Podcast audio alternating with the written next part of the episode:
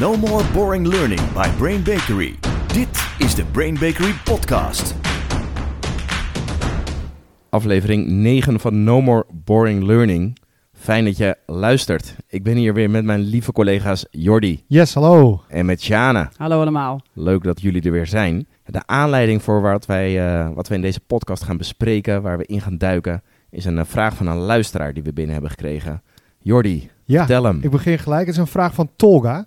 En Tolga die hoorde de podcast over de verklikkers. En die had een vraag over de transferbevorderende maatregelen. En eigenlijk heel simpel. Welke zijn dat? Ja, supergoede vraag. Dankjewel Tolga.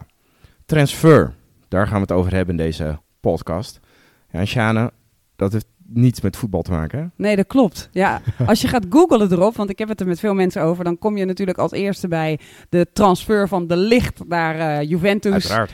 of naar of alle, allerlei andere voetbalclubs natuurlijk, niet alleen Ajax. Maar je ziet dan eh, heel veel over voetbal. Maar binnen ons vak van leren is het een van de belangrijkste aspecten en nog niet heel veel mensen kennen het, terwijl het al heel lang bestaat en daar wind ik me best wel over op. Kijk, dus duiken we erin, deze podcast. Er zijn vijf beïnvloeders voor transfer, dus we gaan uiteraard alle vijf behandelen. En aan het einde deelt Shana ook nog een fuck-up. Juist. Oeh. Ja, hè? Ik ga het doen. Je gaat Zeker? het doen, held. Ja. Ja, Shana, jij bent erop afgestudeerd. Transfer. Wil je onze luisteraars meenemen in wat houdt dit nou in? Ehm, eh, wat even belangrijk is om van tevoren te weten is, transfer telt alleen voor trainingen die niet on the job worden gegeven. Ehm, want wat is transfer? Transfer is, je leert iets in een leeromgeving, op een school of tijdens een training. Je zit in een andere omgeving dan je werk. En transfer is dan, hoe ga je zorgen dat je het leert in de leeromgeving, maar dat je het dan toepast op de werkomgeving, op de werkvloer. Dus de transfer is eigenlijk het bruggetje van, ik leer het hier, maar wat gaat nou ook echt maken dat ik het ook echt doe de volgende dag? Dat Ja. is best belangrijk. Zo, echt wel. Ja, Ja. ja. Ja, en ik wil gelijk een eh, vraag ingooien, Sjana, aan jou. Eh, en deze is van eh, Daisy, een luisteraar van ons. En zij is trainster. En aan het einde van de dag neemt zij altijd een test af. En dan slagen ze altijd met vlag en wimpel. Ja, dan kan ze er toch wel van uitgaan dat ze het ook gaan doen. En ze had daar een discussie over met een andere trainer. En die zei dan, joh, maar dan heb je toch helemaal geen transfer? Maar ja, zij vraagt zich af, maar het is toch wel zo? Oeh, eh, hele goede vraag. Ja. Wat denk ik belangrijk is om te weten, wat we niet uit de vraag kunnen halen, is dat is wat traint Daisy? Als Daisy iets traint waarbij je iets moet weten, iets moet onthouden en ze doet een kennistest aan het einde en de mensen weten het op dat moment, dan zou dat op zich een interessante methode zijn om te kijken, weten ze het nu ook echt? Eh, dan komt nog wel meneer Ebbinghaus langs. Meneer Ebbinghaus die heeft natuurlijk ontdekt ja, in eh, 1858 al, dat je een week nadat je iets geleerd hebt, als je het niet herhaalt, dat je dan ongeveer 90% kwijt bent. Zeker als het contextloos is, als het woordjes zijn. Eh, dus dan kan er nog steeds wel heel veel verloren gaan. Eh, maar als Daisy bijvoorbeeld vaardigheden traint of iets op mindset en ze doet aan het eind van de dag een kennistest, dan wil ze dat de transfer de mindset en de vaardigheden zijn. En als ze dan alleen kennis test, dan is dat best wel onzinnig. Want of ik kennis heb, bepaalt niet of ik met een juiste mindset de juiste vaardigheden ga inzetten. Nee. Dus dan zou er geen relatie zijn. Dus dat is denk ik het antwoord voor Daisy. Mooi, Kijk, thanks. goed antwoord. Ja. Er zijn dus vijf beïnvloeders van dat concept, dat transfer. En Shani, je hebt daar onderzoek naar gedaan, dus we gaan ze uiteraard alle vijf behandelen. Begin met de belangrijkste, nummer één. Nummer 1, degene die het meeste invloed heeft op of er echt transfer komt, is de eigen motivatie van jouw deelnemer. Met andere woorden, als die deelnemer de training inkomt met: Wauw, als ik dit niet leer, als ik dit niet goed meekrijg, dan gebeurt er iets ergs. Of dan word ik helemaal gek. Of ik wil dit leren, want ik heb daar een enorm motief voor. Wauw, ik wil het. Dan is de kans heel groot dat ze het gaan toepassen.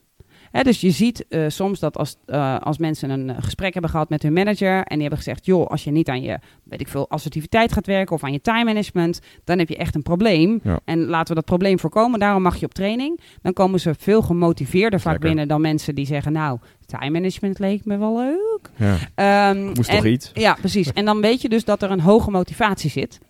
Ehm, maar zeker als bijvoorbeeld met zo'n open inschrijvingstraining.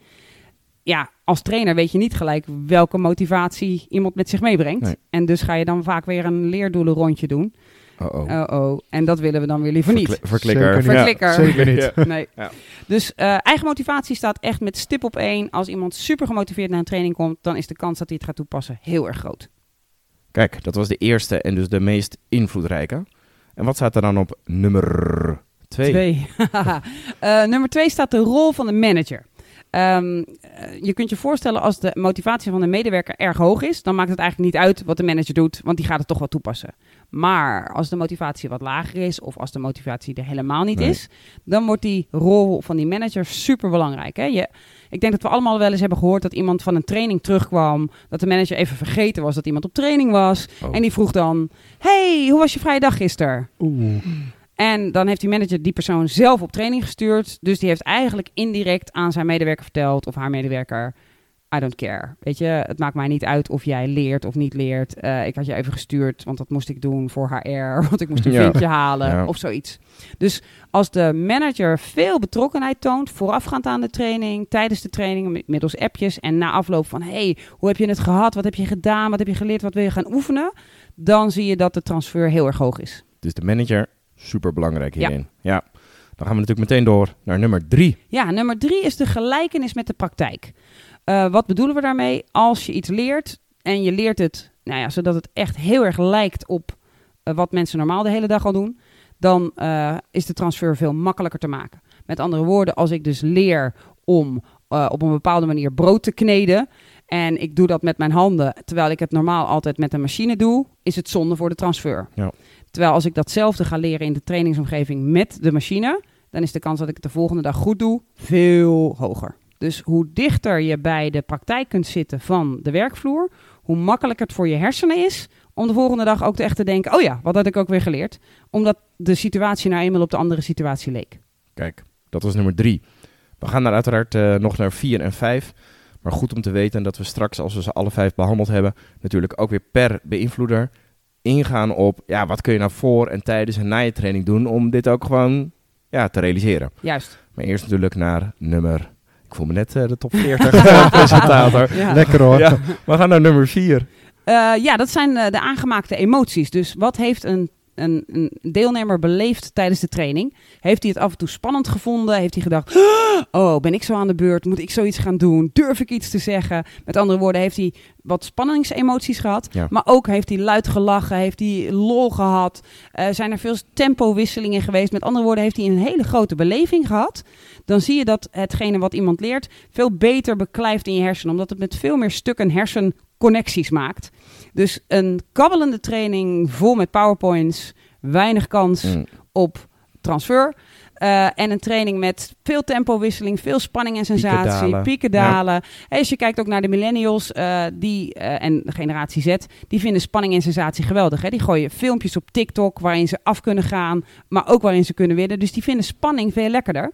En vaak zie je nog dat er een generatie X'er of een babyboomer voor de groep staat. En die denken, we moeten een veilige leeromgeving. rustig aan. En dat, dat, dat is echt zonde, want Ja. hoe meer emotie er op de vloer is... En nou heb ik het niet over paniek, hè. Dus ik heb het niet over extreme emoties als... "Ah, ik ben zo in paniek, ik durf niet meer, want dan blokkeert alles. Maar het meemaken van veel emoties tijdens een training... eh, zorgt voor veel transfer. Kijk, en we gaan naar de laatste, nummer vijf. Ja, dat is de ingewikkeldste om uit te leggen. Eh, dat is namelijk de kunde van de trainer. Maar dat wil niet zeggen dat, eh, dat het alleen maar om de kunde gaat. Maar het gaat er eigenlijk om, om kan de trainer jou zo motiveren dat jij als deelnemer het geloof krijgt dat als jij morgen dit toepast, dat jouw klant, jouw collega en jouw leidinggevende eigenlijk allemaal staan te juichen. Zo. Met andere woorden, kan die trainer zo die training geven dat jij denkt, ja, wat jij zegt is niet alleen kloppend, maar ook nog, ik ga dat morgen ook doen en dan geloof ik dat ik zelf succes heb. Ik denk dat we allemaal voorbeelden kennen waarbij we dachten tijdens een training, zo, je hebt echt gelijk joh, Ja. heel goed. Zeg, maar je, dat je, zeg je dat intelligent? Ja. En, ja. maar ook, en dat je dacht, als ik dat zou kunnen doen, zou ik dat morgen echt doen. Maar dat je ook gelijk dacht, ja, maar wat vinden mijn collega's dan? Gaat me dat wel lukken? Dus eigenlijk wil je als trainer te horen krijgen, zo, als jij met ons mee komt werken morgen, dan weet ik zeker dat jij ons er allemaal uitwerkt. Ja. Niet omdat je opschept, maar omdat je ze echt geloven, wauw, die methode die jij ons leert, die manier die jij ons leert, ik denk dat die mij echt succes gaat brengen. Dus dit gaat niet alleen maar over dat als ik vanuit deelnemersperspectief redeneer, dat de trainer mij doet laten geloven dat ik het kan, dat is al fijn. Ja, Maar dat ik het zo goed ga kunnen, dat, dat de directe mensen om me heen daar helemaal gelukkig en blij van worden. Ja, maar ook, eh, het gaat ook over het zo goed kunnen. Maar het gaat vooral over, geloof ik echt dat als ik dit morgen doe, dat anderen mij complimenten gaan geven. Ah. Met andere woorden is het niet alleen een goed theoretisch idee, maar denken anderen ook echt, hé, hey, dat ging lekker, wat deed jij daar? In plaats van wat je soms hoort, hé hey joh, ga eens even niet zo eh, raar doen tegen die klant, straks moeten we dat allemaal gaan Ja. doen. Hè, dus geloof ik dat mijn collega's bijna jaloers op me gaan zijn, dat mijn manager trots op me is en dat de klant nog leuker gaat reageren. Als ik toepas wat jij mij vertelt. Ja, ja, je had gelijk. Dit is inderdaad een ingewikkelde, Ja. maar wel een, ook een belangrijke. Ja. Ja, Sjane, jij hebt zojuist gewoon een luisteraarsvraag beantwoord zonder dat die gesteld is. Oh, sorry. Oh, Ja, oh. en deze is van Jeroen, maar ik ga hem toch inbrengen. Het is een oud deelnemer, hij heeft training van ons gehad en hij is onze Wat leuk. podcast gaan volgen. Super. Ja, en het leuke is, hij werkt in de telecom retail en hij had laatst een verkooptraining. En hij zegt, ja, op zich een leuke training. We moesten een oefening doen, we moesten brood verkopen. Ja, en zijn vraag is, wat vinden jullie daarvan? Oké, ja. Mag ik eh may I permission to speak freely? Zeker. Absoluut. Ja, echt super dom. Ja. Ja, Eh, ik. denk Ja. dat, je, dat je in een sales training, maar je ziet het heel veel in sales training. Het bekendste voorbeeld is verkoop mij een pen.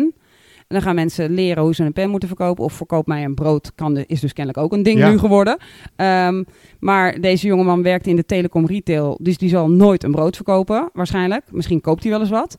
Maar die moet eh, specs verkopen. Die moet verkopen wat de prijs is. Die moet verkopen hoeveel, wat voor pixels de camera heeft. Die heeft veel complexer verkoopproces. En veel complexere afweging van zijn klanten. Dus dit lijkt me een bijzonder dom iets om tijd aan te besteden. Kijk, doe je het in één minuut om even een statement te Ja. maken over verkoop, dan mag het. Maar eh, een, een telecommer heeft echt behoefte aan een telefoon in zijn hand. Want dat is hoe ze verkopen. En ze staan altijd met die telefoon in de hand of geven hem jou in de hand. En die moeten het over ingewikkelde specs hebben. Ja. Dus super dom. Bedankt voor het inbrengen. Ren weg bij die training. Lekker. ik kan me voorstellen dat luisteraars nu met een enorme vraag in hun hoofd zitten. Namelijk, ja, dit klinkt super interessant en, en, en terecht, maar hoe pak ik dit aan? ja. Dus laten we daar eens even naar gaan kijken. En die eerste, die eigen motivatie van de deelnemer, Shana, dat vind ik wel een interessante. Want volgens mij zit motivatie altijd in iemand. Dus we hebben het over beïnvloeders. Ja. Hoe kun je nou motivatie, de intrinsieke motivatie, hoe kun je die nou ooit beïnvloeden als trainer? Goeie. Ja. Eh, er bestaan natuurlijk wel twee soorten motivatie, intrinsiek en extrinsiek. Hè? Ja. Dus je kunt, maar je, kunt, je hebt wel degelijk als trainer en als manager enorme invloed op iemands motivatie.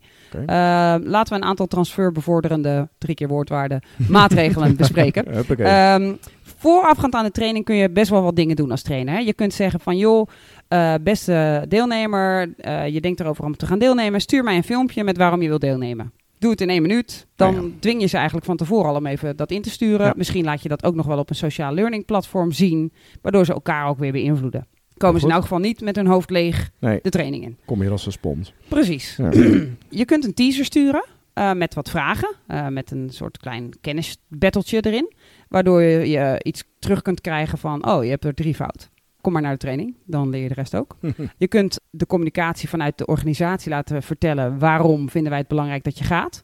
En waarom hebben wij juist jou uitgekozen. Nou, dat gaat ook iets doen met iemands Ja. motivatie. Want die denkt, hé, hey, dat is wel heel erg leuk. Ja. Tenzij de waarom we jou hebben uitgekozen vanuit negatief is. Maar dan, eh, ja, dan ligt het eraan hoe erg ze dat vinden. Maar eh, je kan de, de, de communicatie vanuit de, de, de organisatie, als dat iets anders is dan alleen een uitnodiging, kan dat al heel veel opleveren. Tijdens de training kun je natuurlijk ook verschrikkelijk veel doen. Eh, begin bijvoorbeeld met een kennisbattle. Dat je zegt van nou, jullie weten hartstikke veel. Maar we gaan eens even Toch kijken, even, eh, even, ja. even toetsen. Ja, Eh, voordat we met allerlei voorstelrondjes beginnen, beginnen we gewoon even, we delen de groep in vieren. Ik heb hier een prijs. lekker. Eh, kom maar even binnen. Ja. Nou, hartstikke lachen. Past natuurlijk helemaal weer bij de millennials en de generatie Z. Precies. Ja. En dus bij de anderen ook, want hun hersenen werken net zo, alleen ze zijn het minder gewend. Ja. Je kunt eh, de deelnemers een wordcloud laten maken. Je hebt allerlei tools. We hebben Mentimeter al eens een keer als brainsnack gegeven. Eh, dan kun je een wordcloud laten maken op het bord. Ze gaan gewoon op hun telefoon en je stelt ze een vraag. We hebben bijvoorbeeld laatst eh, bij een traject de vraag gesteld: wat vinden jullie de belangrijkste verandering? Waardoor mensen echt even hun, hun hersenen gaan organiseren. En dan zien ze, terwijl ze iets intypen, zien ze ook al antwoorden van anderen. Waardoor ze eigenlijk gaan nadenken over, ja, dit is wel een belangrijk Ja. onderdeel van de Er gaat wel verandering. echt even iets veranderen. Ja, Waardoor er waarschijnlijk ook iets gebeurt met, hé, hey, daar wil ik dus iets mee of daar moet ik iets mee. Waardoor de motivatie kan stijgen. Eh, je kunt natuurlijk ook, eh, als je denkt, ik gebruik de autoriteitsbias. Ik zet een directielid voor de groep, die mag even openen. Waarom hij of zij het superbelangrijk vindt dat ze er die dag zijn. Dat werkt toch altijd goed, hè? Het werkt vaak goed, Ja. tenzij het een directeur of een directrice is waarvan je echt Ja, denkt, ja. jammer dat jij bestaat. Eh, eh, of, dat, Oeh. of dat je voelt dat de hele groep denkt, ja, ik trek jou totaal niet, je bent niet geloofwaardig voor mij. Dus je moet wel als trainer even toetsen van, eh, gaat deze geloofd worden? Ja. En dan hebben we denk ik ook nog wat maatregelen voor na de training. Juist.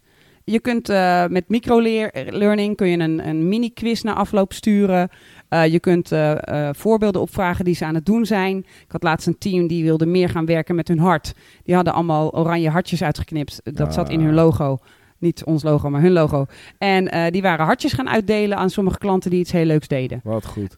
Dus dat soort voorbeelden dan te delen om weer de motivatie van anderen aan te maken, werkt natuurlijk enorm. Ja. Eh, je kunt ook een soort eh, celebrate succes doen. eh, dat je een webinar organiseert tijdens de lunch, half uurtje. Iedereen zit op verschillende plekken en ze gaan even kijken hoe gaat het met jou, wat heb jij al toegepast. Dat kan ook de motivatie weer enorm boosten. En bij sommige organisaties die best wel groot zijn, hebben we wel eens muntjes uitgedeeld. Dan konden ze, als iemand iets heel gaafs deed, mocht je het aan een collega geven van... hey, ik zag jou nou net iets doen. Dat vond ik echt te gek. Dat past helemaal in wat we geleerd hebben in de training of wat we belangrijk vinden. En dan gaven ze elkaar een muntje om elkaar ook weer na de training te blijven motiveren. Leuk. Ja, gaaf. En door de rol van de manager. Ja, Ook veel maatregelen denk ik te nemen. absoluut, absoluut. En, en nogmaals, als je als trainer daar niet in investeert, ben je dus heel dom bezig. Want die manager heeft dus meer invloed op die transfer dan jij. Want jij kan de beste training geven ever. Met de mooiste werkvormen en de beste herhalingen erin. Je stimuleert de hersenen en je motiveert ze als een malle. Maar als de manager na afloop zegt: Wat heb je nou geleerd op de training? Nou, dat Ja. gaan we niet doen hoor. Nee, doe maar gewoon. Jij moest daar gewoon eh, heen, maar eh, je hoeft niet nu allerlei malle fratsen uit te gaan halen.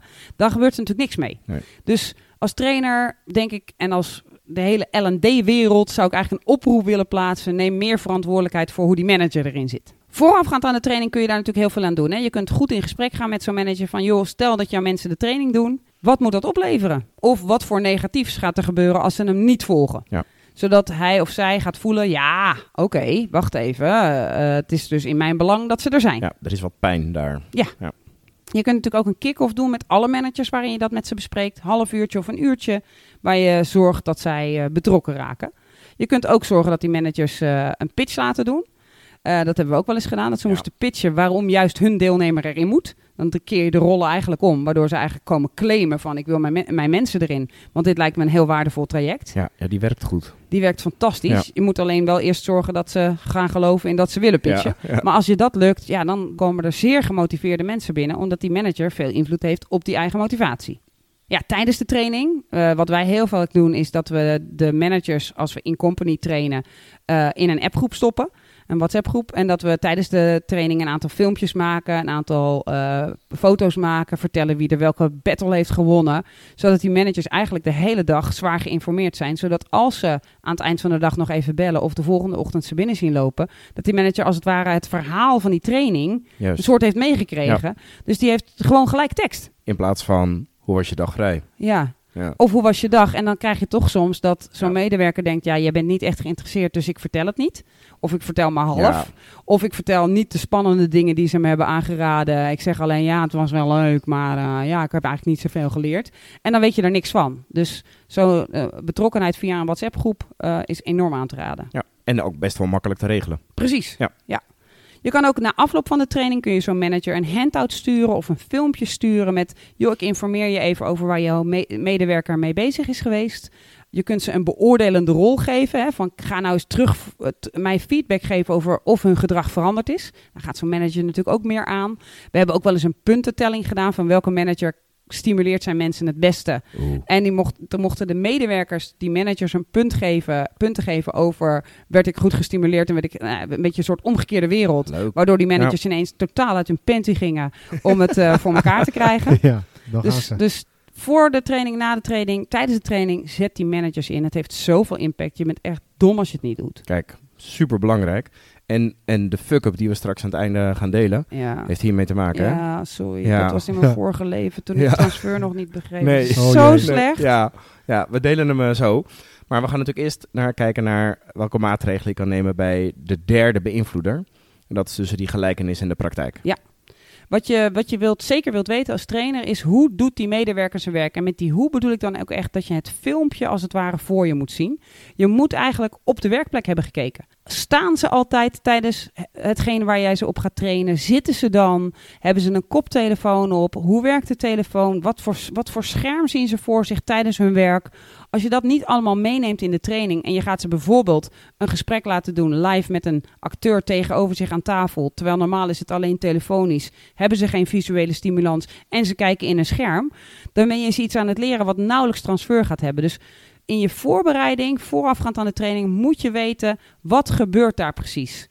Juist. Hè, De mooiste voorbeelden die wij daar bij klanten van ons hebben gezien zijn echte mock-up stores. Hè, als het om retail gaat, dat ze gewoon een hele winkel nabouwen of een stukje winkel waarin je dan kunt oefenen. Zodat de medewerker ook echt staat en naar de producten wijst die er echt zijn. Ja. Of, ja, of goede posters ziet, producten ziet. Precies, zodat hij kan Alles. spieken waar hij normaal ook zou spieken. Eh, als bij auto, hè, eh, onze klant Ja. Mazda, daar werken we veel voor. Dan proberen we ook altijd rondom een auto, want dat is waar het gesprek plaatsvindt, Juist. bij een auto in de buurt te zijn. Ja, en wat we ook wel eh, veel doen, als je het dan hebt over bijvoorbeeld een klantgesprek voeren, is dat we ook de deelnemers bijvoorbeeld rond laten lopen of mensen rond laten lopen, zodat het niet een soort hele stille één op één situatie is, maar dat ze ook die hectiek voelen van, van zo'n echte winkel of zo'n echte dealer of wat dan ook. Ja. Zodat ze eventueel ook afgeleid kunnen worden door wat er om hen heen gebeurt. Want Precies. dat gebeurt in het echt ook. Ja, want de meeste mede- medewerkers in winkels bijvoorbeeld, die moeten ook klanten die binnenkomen die nog niet direct geholpen kunnen worden, begroeten. Juist. Als je dat niet meeneemt in hoe je aan het oefenen bent, dan wordt de transfer weer moeilijker. Ja. Dus het echt goed bestuderen van de situatie is de belangrijkste aanrader. En om dat dan in, vervolgens in de training ook echt goed te, te simuleren, werkt heel goed. Als je dan na de training nog iets wil doen, kun je bij wijze van spreken een incentive zetten op iets wat ze kunnen gaan doen. Of een prijsje daarvoor uitloven. Op iets wat, echt, waar, wat, je, wat ze echt hebben geleerd in de training, dat ze dat ook echt gaan toepassen. Kan je aan de manager geven en die kan aan het eind van de week zeggen: hey, joh, ik zie dat die de meeste progressie heeft gemaakt. hier hier heb je het gedaan. Ja. Zodat je ook na de training weer stimuleert. Goed Daarop. idee. We gaan snel door naar de be- eh, vierde beïnvloeder. En dat was de aangemaakte emoties. Juist. Ja, wat kunnen we daarbij doen? Eh, ja, een geweldige training vormgeven. Ja. Met veel afwisseling, met veel gedoe, waar veel in gebeurt. Waar je de ene keer staat, de andere keer zit. Die heel erg lijkt op je werkpraktijk. Kijk, als je in de werkpraktijk, en nu ga ik even enorm stigmatiseren, sorry aan alle ambtenaren, maar stel je voor dat je heel erg Ja. lang aan stukken zit te typen altijd.